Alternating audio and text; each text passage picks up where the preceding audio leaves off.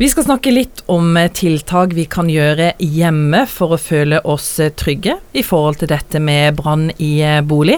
Det er nok mange som tenker mye og som bekymrer seg, kanskje spesielt til eldre, men sikkert også hos en del andre. Vi skal snakke litt om gode holdninger og gode tiltak og gode rutiner. Helene Andersson, branninspektør i Kristiansandsregionen brann og redning. Er det sånn at vi går og tenker og bekymrer oss litt mye? Det kan eh, absolutt være at man gjør det. Eh, det vi kanskje heller eh, er opptatt av, er de som ikke gjør det. De som har et litt for avslappa forhold til brannsikkerhet. Røykevarsler, som er viktigste, det viktigste tiltaket man kan ha hjemme, henger gjerne uten batteri. Og man gjør ikke de nødvendige tingene som, som er med på å sikre. Vi skal snakke litt om gode rutiner, og Espen Hovde, branninspektør ved Kristiansand-regionen brann og redning. Nå nevnte Helena dette med brannvarsler. Hva andre ting er godt å ha som gode rutiner? Nei, det som kanskje presser seg frem som mest vanlige, eller farligste branntidspunkt, er jo på natta. Så jeg vil trekke fram spesielt dette med en sjekkrunde før du legger deg om kvelden. At du tar en runde i forbindelse med låsing av dører og eventuelt lukking av vinduer. At du også tar en runde via alle rommene. Sjekker uh, lys, om de er skrudd av, ladere. Uh, har du skrudd av kaffetraktoren, uh, komfyren, blåst ut lys osv. Um, og tar rett og slett en runde uh, rundt i huset ditt for å se at ting er skrudd av og, uh, og på en måte trygt og forsvarlig uh, plassert. da. For du nevnte dette med å dra ut kaffetraktoren og vannkokeren og disse tingene her. Da tenker jeg på litt på dette med at eh, en del vasker kanskje tøy om natta, lader telefonen om natta. Hva tenker dere om de tingene? Mm. Du øker jo eh, sannsynligheten for brann hvis du bruker mye elektronisk utstyr på natta. Det å vaske tøy det anbefaler vi ikke, eller tørketromler på natta, selv om det kan være praktiske årsaker som, som er for det. For da sover vi. Eh, alle kognitive Evnene er satt ned, og eh, selv om du har røykvarsler, så er det ikke sikkert at du våkner den lyden hvis du sover godt nok. Så, så det er jo det å unngå ting um, som kan gjøre at risikoen øker for brann. Men jeg lader mobiltelefonen min på natta og legger den på gulvet ved siden av senga. Det skal kanskje ikke gjøres akkurat sånn? Ja, vi har uh, foreløpig ikke noe uh, dokumentasjon på at det har uh, ført til noen dødsbranner i Norge, men det er klart at all bruk av elektronikk, og, eh, og, spesielt kanskje uoriginal elektronikk, da, medfører en viss fare. Og kanskje spesielt uoriginal elektronikk. da. Så eh, jeg vil jo ikke anbefale å bruke elektriske utstyr og lade ting inn på soverommet. Og spesielt ikke hvis ikke soverommet er detektert. da. Eh, det som er farlig, spesielt farlig med sånne elektriske branner, det er at det kan oppstå en sånn kald brann. Og det fører til at røyk kan bygge seg fra bakken og oppover. sånn at at når du ligger og sover, da, så får du veldig sein deteksjon på brannen, fordi at uh, røyken naturligvis vil stige i en annen type brann. Så da kan det fort gå galt. Det er jo røyken som er absolutt farligste da. Man tenker kanskje at det er flammene som, som, tar liv, men det er jo røyken som, som er. Og Hvis den kommer seg snikende litt sånn eh, på nattestid, eh, uten at den blir raskt nok oppdaga av røykvarsleren, så er det veldig farlig. Er det andre ting vi bør tenke på? Hva med slukningsutstyr, rømningsvei og de tingene? Alle husstander skal jo ha godkjente slukkeutstyr eh, plassert eh, tilgjengelig. Hva betyr det? Da er det eksempelvis en eh, brannslukningsapparat eller en husbrannslange. Det er det som er godkjent utstyr. Og Det nytter ikke å begynne å leite etter den når det har tatt fyr. En må vite hvor den er plassert. Den. Det er det som menes med tilgjengelig. Da. Og jeg anbefaler faktisk folk, det har jeg sjøl hjemme òg, som eh, brannmann i flere år, eh, plassert eh, min, eh, mitt slokkeutstyr på soverommet. Det er på en måte fordi at det er det tidspunktet som er mest kritisk. Og hvis det skulle oppstå en brann, så er det kanskje den eneste livlinja mi for å komme meg ut av huset.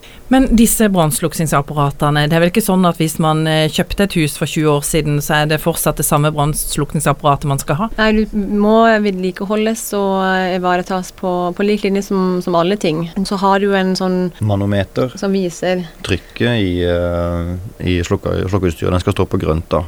Så hvis du sjekker at det er grønt manometer og snur pulverapparatet ditt et par ganger i året, Og så bytter du ut uh, Altså det skal være altså, Kravet er at det skal være full kontroll på det i løpet av fem år, og så skal det være service etter ti år. Men, men en sånn service koster som regel så mye penger at en, en kjøper som regel nytt etter ti år, da sjeldnest. Kanskje etter fem. Jeg fikk et uh, brannteppe i gave for en del år siden, og jeg minner om at jeg er veldig usikker på hvor det brannteppet er. Er det en god ting å ha? Absolutt greit å ha som et tillegg til, til slukkeutstyret. Gjerne på kjøkkenet, hvor det kan oppstå sånn mindre branner. Eh, anbefales ikke å bruke på, på fettbrann hvis det brenner i olje eller fett oppi gryta. Men, eh, men, det er et fint, eh, fint, ting å ha eh, ved siden av det andre.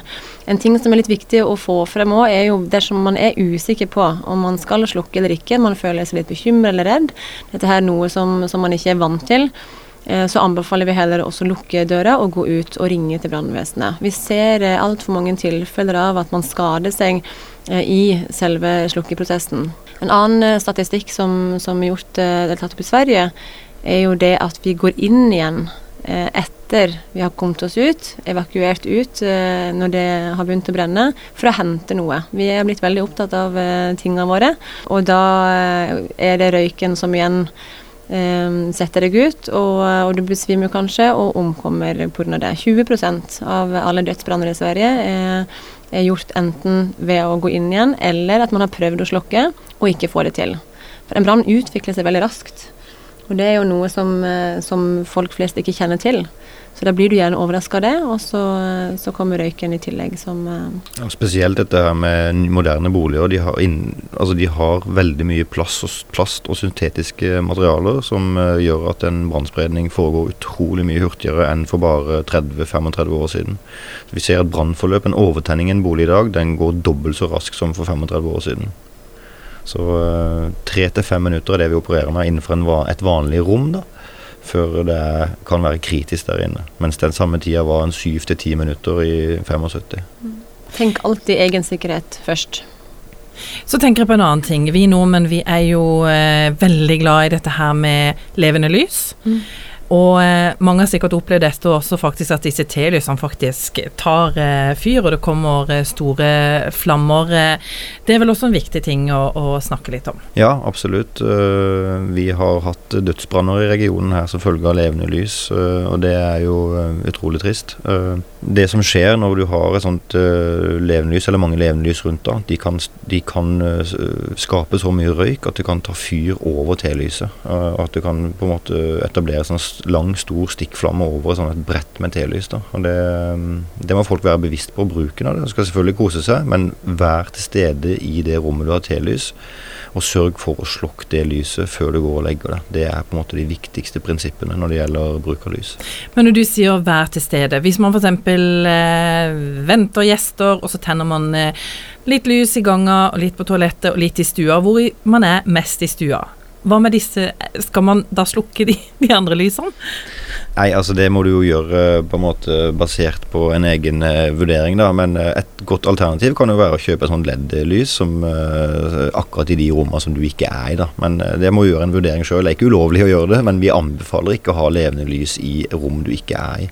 Og det er nettopp pga. Av, av det vi snakka om i stad, at dette her kan utvikle seg uten at du er til stede. Hva tenker dere generelt om folks eh, holdninger og eh, rutiner rundt det vi har snakka om nå? Ja, vi, vi ser mye, mye bra brannforebyggende der ute, men vi kommer nok aldri i mål med den eh, jobben vi gjør. Så vi vil jo absolutt at man skal være mer obs på dette tenke ut eh, gode rutiner for seg sjøl og ha gode holdninger knyttet til, eh, til brann. Vi vet at én eh, av ti legger seg hver kveld uten fungerende røykvarsler. og det er klart at Vi ønsker jo å få tak i disse menneskene og få, sørge for at den prosenten reduseres så mye som mulig. Og Hvor ofte skal batterirøykvarslene skiftes?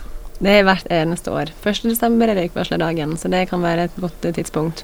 Men nå som det er, nå er det fortsatt eh, vinter, eh, snart kommer påsken. Også hytten må man jo passe på at man får bytta batteri, og, og også ha godkjent slukkeutstyr. Og gjerne sjekk røykvarsleren litt oftere enn den ene gangen i året, så er du på en måte ekstra trygg, da.